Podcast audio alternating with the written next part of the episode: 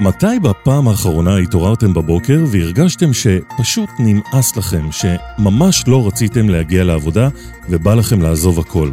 מתי התחושות האלה מעידות על שחיקה, ואיך אפשר להתמודד עם ההרגשות האלה ולשרוד בעבודה כל כך קשה של הרופאים? על כל השאלות האלה נענה בפרק הזה של פודקאסט בריאות הרופא של הארי. אני דוקטור איתי גל, ואני מארח בכל פודקאסט את מיטב המומחים לשיחות על החיים שלנו, הרופאים. אתם מאזינים לפודקאסט בריאות הרופא של הארי. והפעם איתי באולפן דוקטור לילך מלצקי, מומחית לרפואת משפחה ויושבת ראש הפורום לבריאות וחוסן בהארי. היי לילך. היי איתי. והגברת עליזה דולב, עובדת סוציאלית ופסיכותרפיסטית, מנהלת מקצועית של מפנה, מערך הסיוע לרופאים של הארי. שלום עליזה. היי איתי, היי לילך. אני מאמין שאין כמעט רופאה או רופא שלא מרגישים לפעמים שפשוט נמאס, שהעומס מתסכל, מתיש. מתי ההרגשות האלה מוגדרות כשחיקה, לילך? אז אני באמת אדבר על ההגדרה היבשה של שחיקה, שהיא מוגדרת כמצב של תשישות פיזית, קוגניטיבית ורגשית, מלווה באובדן של המימד האנושי שהוא נגרם בעקבות חשיפה מתמשכת לגורמי לחץ שלא ניתן לפתור אותם. באנגלית התיאור הוא אפילו יותר מדויק, קוראים לזה ברנאוט, שזה שרוף לגמרי, שאולי זה מתאר את זה הכי טוב. ויש עוד הגדרה יפה של מסלח, קריסטינה מסלח, היא הייתה אחת מהחוקרים הראשונים, חוקרות הראשונות של הנושא, בשנות ה-70, והיא אמרה ככה, שחיקה נובעת ממצב של חוסר איזון כרוני, שבו העבודה דורשת מאיתנו יותר ממה שאנחנו יכולים לתת, ונותנת לנו פחות ממה שאנחנו צריכים. אני חושבת שזו הגדרה הכי קולעת למצב. וזה גם עושה נורמליזציה למצב הזה, שאנחנו בעצם לא לבד בעניין הזה, כנראה שהעולם מכיר את זה, התחושות האלה לא רק שלנו, הרופאים, נכון עליזה? נכון, איתי, אתה צודק, אין מי שעובד אה, בכל תחום שהוא, שלא אי פעם בחייו אמר או העיד על עצמו שהוא שחוק. אבל אני רוצה להתמקד על המקצועות של הרופאים, על מקצועות עזרה, helping professions, שם האלמנט הרגשי של הגשת עזרה וחשיפה לכאב של האחר מאוד מאוד שוחק. והנתונים בארץ וגם בעולם מראים על אה, אחוז מאוד גבוה של מי שמעיד על עצמו שאי פעם בחייו סבל משחיקה. ובטוח תסכימו איתי שבעקבות הקורונה השחיקה הולכת וגוברת, אנחנו גם שומעים את זה בכותרות, בחדשות. אז זה תחושתי, כן. זה מאוד מעניין, כי משרד הבריאות עשה סקר שחיקה. הוא עשה את הסקר הזה לפני הקורונה ב-2018, והם חזרו על הסקר הזה עכשיו, ובאופן מפתיע לא הייתה עלייה בשחיקה של הרופאים. אפשר לנתח את זה בכל מיני היבטים, אני לא חושבת שאנחנו על זה רוצים להתמקד, אבל יכול להיות שדווקא שעמדו ומחאו כפיים לרופאים, נכון. שהם עבדו קשה והוקירו אותם, לא יודעת, משהו פה באיזשהו אופן לא הגביר את השחיקה. נכון. אמ, אבל כן אני רוצה להגיד על, על באופן כללי איזה מקצועות, אה, בתוך, בתוך הרפואה, איזה מקצועות אנחנו רואים אה, כיותר שחוקים, וזה כן מתקשר באיזשהו אופן לקורונה. אה, יש בארצות הברית סקר שנעשה אחת לשנה ומתפרסם על השוואה בין ממדי השחיקה בין המקצועות השונים, ומה שחוזר על עצמו בדרך כלל זה שרופא טיפול נמרץ, רופאי מלר"ד ורופאי משפחה בראש הרשימה. יש עוד ברשימה אורולוגים, רומטולוגים שלי, לא כך ברור למה. מרדימים גם. אה, והשנה הם עשו, אני ראיתי את הפרסום של הסקר של השנה, אז שם נוספו לראש הרשימה רופאי זיהומים, מן הסתם, והפסיכיאטרים. כלומר, ממש נראה שאלה אותם מקצועות שבהם יש ממש עומס מאוד מאוד כבד, מסה אדירה של מטופלים ותורנויות ממושכות. יכול להיות? כן, ו- ואם כבר למקד, אז בהקשר הזה, זה המתמחים. אז זה באמת מאוד מאוד נכון, וזה עוד מה שמבליט את השחוקים מבין השחוקים, שזה אלה שעובדים בעומסים הכי גבוהים, שזה המתמחים. וגם אנחנו רואים את זה יותר אצל נשים רופאות. יש דרך לזהות לפני את השחיקה? יש תסמינים לשחיקה? כמובן, התשובה היא כמובן, וכולנו מכירים את הרופא השחוק, זה שמנותק, שציני, אדיש, אבל יש גם סימנים נוספים שממש חשוב להכיר. אנחנו מכירים את, ה, את התשישות הגופנית, את העייפות, חוסר אנרגיה, אין כוח לקום בבוקר בכלל, אנחנו לא רוצים בכלל להגיע למקום העבודה, וגם זה מתבטא לפעמים גם בנטייה לתפוס כל וירוס חולף, אנשים יותר חולים, האנשים השחוקים. יש תשישות קוגניטיבית, ירידה בריכוז, מיקוד ו- ובזיכרון, ובמקרים מתקדמים אנחנו רואים נטייה להתמכרויות, לאלכוהול, לגראס כמשהו שמרגיע כאילו, לתרופות מרשם ותרופות שלוקחים OTC, הרופאים רושמים לעצמם, הרי היום בישראל מה שהם רוצים, ואנחנו רואים שיש רישום מוגבר של תרופות, ובקיצון גם, אה, לא עלינו, מחשבות אובדניות. עליזה, רצית אה, להוסיף על התסמינים? כן, אני חושבת שמה שאני שומעת הרבה מכל הרופאים שאני פוגשת, זה דאגה מאוד גדולה למה קורה להם עם החמלה שלהם לחולים שלהם. קוראים לזה תשישות חמלה בעצם, ככה זה נקרא, compassion fatigue. איזה ציניות, איזה קושי לבטא חום אנושי, והם לא מכירים את עצמם ככאלה, והם גם דואגים שזה יישאר ככה תמיד. גם אחרי שיעבור העומס, גם אחרי שיעבור הגל הזה, וגם מה שאני רואה ואני חושבת שהייתי מגדירה אותו כתסמין של שחיקה, זה למשל הרבה עמדות שליליות והתנהגות שלילית כלפי מקום העבודה. הרבה סקפטיות, גם ביחס לזה שלא רואים אותם, שלא דואגים להם, איזה מין תלונתיות כזאת, איזה מררה כזאת מררה, כל הזמן. כן, כן. באמת יש תחושה ו... של מרירות. נכון, וגם אני חושבת אה, שבטח גם את שמעת את זה לא פעם, איזה חרטה עמוקה על הבחירה במקצוע של הרפואה. כשמגיעים לשם, אני חושבת שהם באמת כבר out, בדיוק מה שאת אמרת, ככה זה מוגדר. אני הייתי מוסיפה גם, למה שאת אומרת, גם תחושה של ירידה במסוגלות, כאילו, אני לא רופא טוב, ירידה בערך עצמי. בדיוק. מה הגעתי לפה? אני אולי לא מתאים, אולי קיבלו אותי בטעות, כל מיני מחשבות כאלה שוברות לאנשים בראש, כאילו הם לא נמצאים במקום שלהם, שזה נורא נורא עצוב. ממש, איזה vicious cycle כזה, את יודעת, זה מתחיל באמת מהעומסים האדירים, וזה נגרר לירידה בערך ובקומפטנטיות, בתחושה של המסוגלות, כמו שאמרת.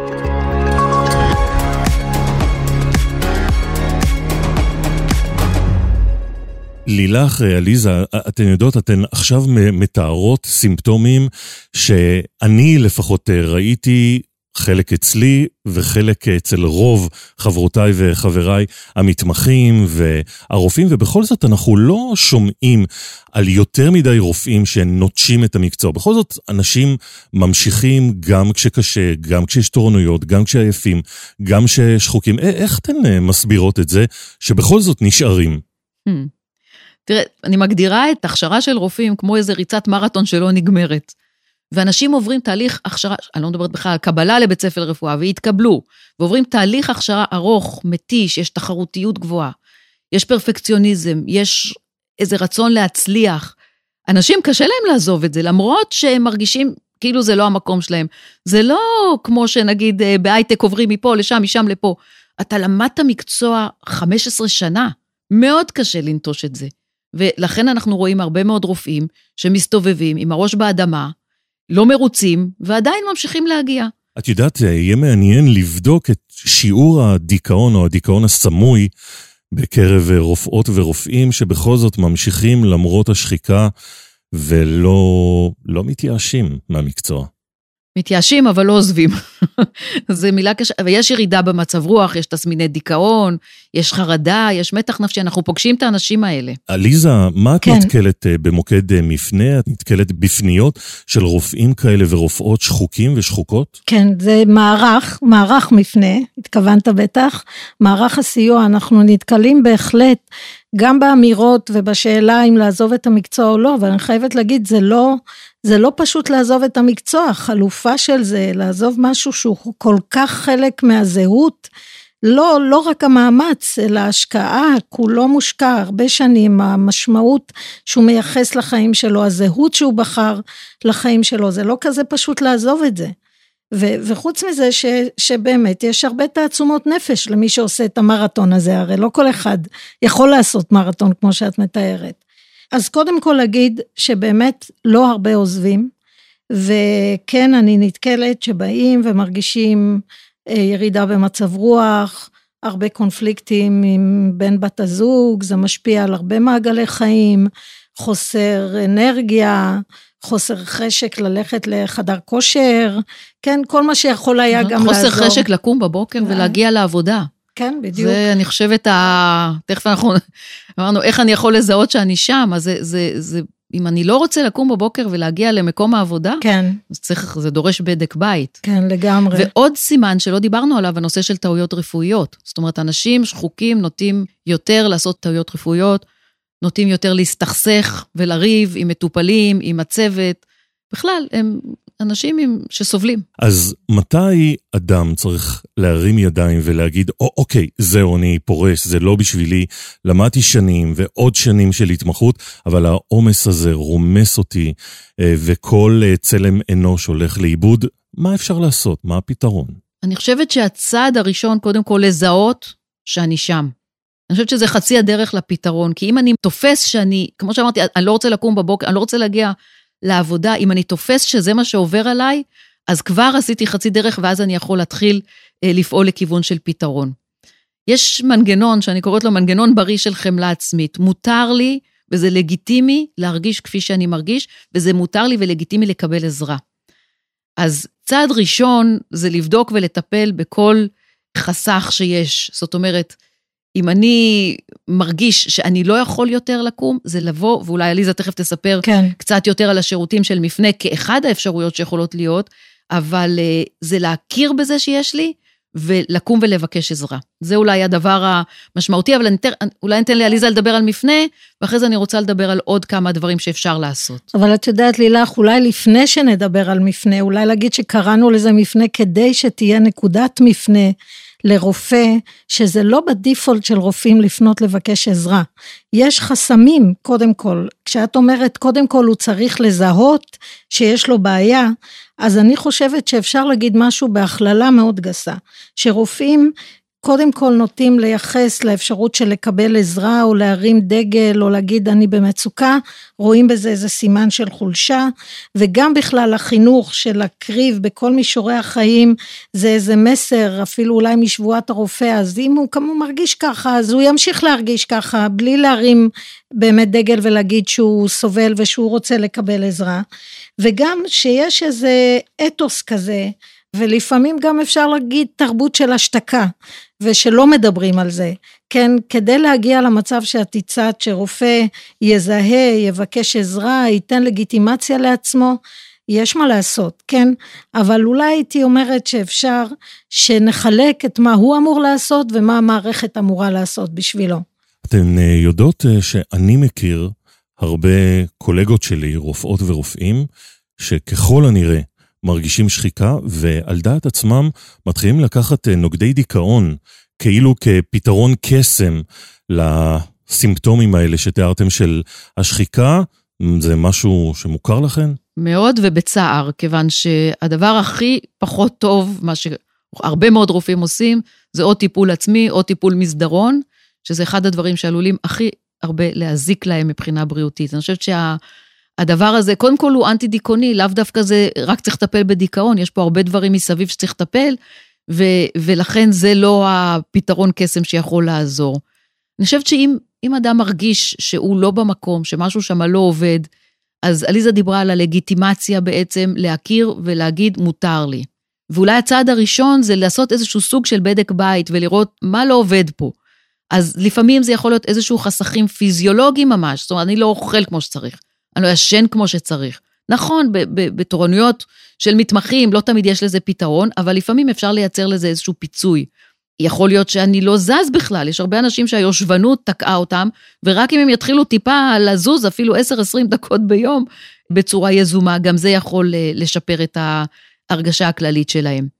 יש לפעמים צורך גם בשעות או ימים או חופשים, ממש לצאת להתאווררות, גם זה עוזר. יש כאלה שכל מיני כלים של הפחתת מתח, כמו יוגה או מיינדפולנס או קבוצות תמיכה, יש היום קבוצות בלינד ויש קבוצות אה, של רופאים מדברים, ואם אין קבוצות, אז אנחנו בשמחה כמפנה מוכנים לעזור בדבר כזה. ואני חושבת שצריך להזכיר גם את מערך רופאים התומכים של מפנה, שגם זה יכול בהחלט אה, לשפר. מה שעוד אפשר לעשות, אני חושבת שבנוסף למה שאת תיארת, לילך על, אה, על באמת לשים לב ולזהות ומיינדפולנס ולחזור לספורט ו, ו, ולכל המקומות שהם בכל זאת יכולים להיטען שם, יש איזה אלמנט שאני מוצאת עצמי אומרת אותו כמעט לכל רופא שנכנס אליי לחדר, תכירו באנושיות שלכם, תכירו במגבלות, תקבלו על עצמכם את הכישלונות הבלתי נמנעים, אני לפעמים אומרת, הרי אתם הגעתם לשדות הציד של אלוהים. אז, אז קורים שם דברים, קורים שם דברים קשים. זה ביטוי יפה, שדות הציד של אלוהים. באמת, אתם גיבורים, אתם נמצאים שם בקו הראשון, במקומות האלה, אתם תכירו בזה, שזה נכון שהרבה פעמים גם ניהול סיכונים וגם בעקבות מה שאחרים אולי מתלוננים, שהייתה פה רשלנות, יש הרבה פעמים שחוקרים את האירועים האלה. אני הייתי אומרת שכדי להילחם בשחיקה הזאת, צריך לעבור למה שנקרא חקר מוקיר. Appreciative inquiry. בואו תגידו רגע לעצמכם, בסוף כל יום, כמה שזה נשמע לכם כרגע, מאוד, אה, מאוד אולי אנשים לפעמים ציניים לגבי זה, מה עשיתי טוב היום? חיוך של ילד בטיפול נמרץ ילדים, כשאתה מרגיש באי ספיקה, כשאתה מרגיש לא הצלחת, שנקבע, אתמול קיבלתי הודעה, אס.אם.אס מרופא, עכשיו קבעתי מוות של תינוקת. אני, אני חושבת רק מלחשוב בכל מה שאתם נאלצים להתמודד ולעמוד למולו, תגיד לעצמך שלוש נקודות אור שהיו היום, כמה דברים שקרו ונכון וטוב שעשיתי, ואיך שעשיתי, ולא להישאר כל הזמן רק בצד שמעמיס על עצמך, על רגשות האשם שלך, על תחושת הכישלון שלך, זה מאוד שוחק.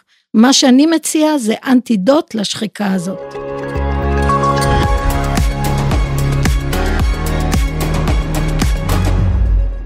ואחד הדברים החשובים שהזכרתם זה לזהות את הסימנים לשחיקה, ובמידת הצורך להעז ולפנות למערך מפנה. וכמובן נזכיר שיש אחריות גדולה מאוד למערכת לשפר את תנאי ההעסקה של אה, הרופאים, אה, מה שתורם משמעותית לעומס. אה, נכון לילך, יש עוד דרך ארוכה לעשות. יש עוד דרך ארוכה, ו- וחשוב להגיד ששחיקה נובעת בעיקרה מכשלי המערכת. ולכן המקום הראשון שדורש טיפול זה שהמערכת תטפל בעצמה. ואנחנו רואים בכל זאת שיש דברים שקורים בעקבות הסקרים שנעשו היום, באמת זה אולי קצה הקרחון, אבל כן מתחילים לעסוק בתנאי עבודה ובצמצום עומסים ובשיפור תהליכי עבודה ובתמיכה ניהולית, ויש עוד ועוד ועוד דברים. ברור שכמו כל תהליך של מערכות גדולות זה לוקח זמן, אבל יש כיוון.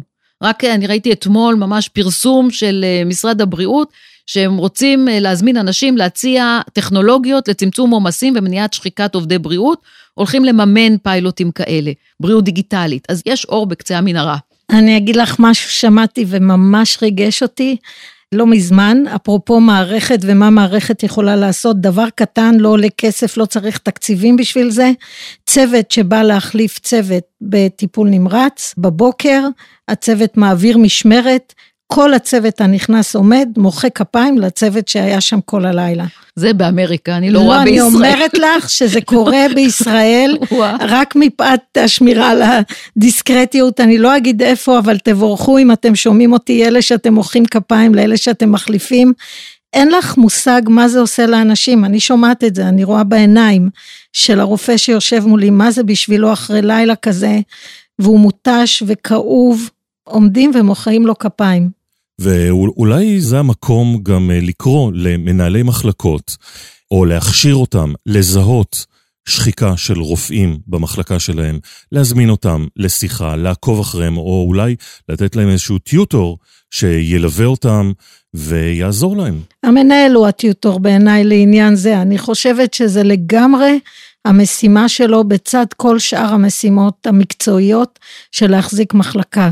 פשוט למסד איזה שיח פתוח. ומי שזה לא בא לו טבעי, אולי הוא באמת זקוק ללמידה. כן. וכן, יש גם מערכים... גם הוא שחוק, בואי נחשוב גם, גם עליהם, שחוק. גם הוא שחוק.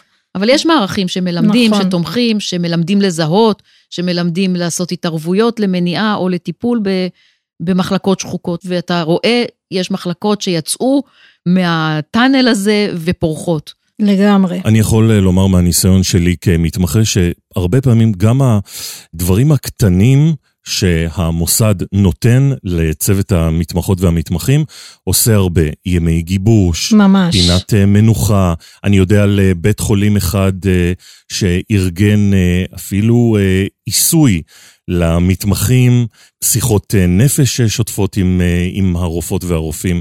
אז אולי גם תשומת הלב הקטנה הזאת יכולה לעשות שינוי גדול. אמן. בהחלט שכן, ואני יכולה להגיד לך שבאמת אלוהים נמצא בפרטים הקטנים האלה. כן, אם מישהו מקבל איזה רק חיזוק בבוקר ממנהל שמסתכל עליו, אומר לו עבר עליך לילה קשה, זה הרבה, באמת. וזהו, הזמן טס, אה, אנחנו מתקרבים לסוף הפודקאסט. מסר לסיום, לילך? תאמינו בעצמכם, תזהו אם משהו לא עובד, ותפנו ותתחילו לטפל בזה כמה שיותר מוקדם. עליזה?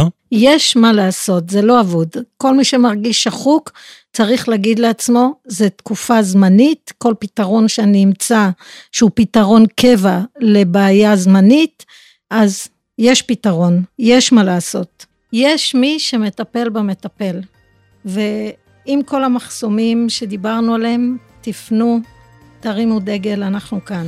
ובנקודה האופטימית הזו נגיד תודה רבה על הדברים המרתקים האלה, דוקטור לילך מלצקי ועליזה דולב. אתם מוזמנים כרגיל לעקוב אחרינו ברשתות החברתיות של הארי לכל העדכונים והחדשות. תודה שהייתם איתנו, ונתראה בפרק הבא.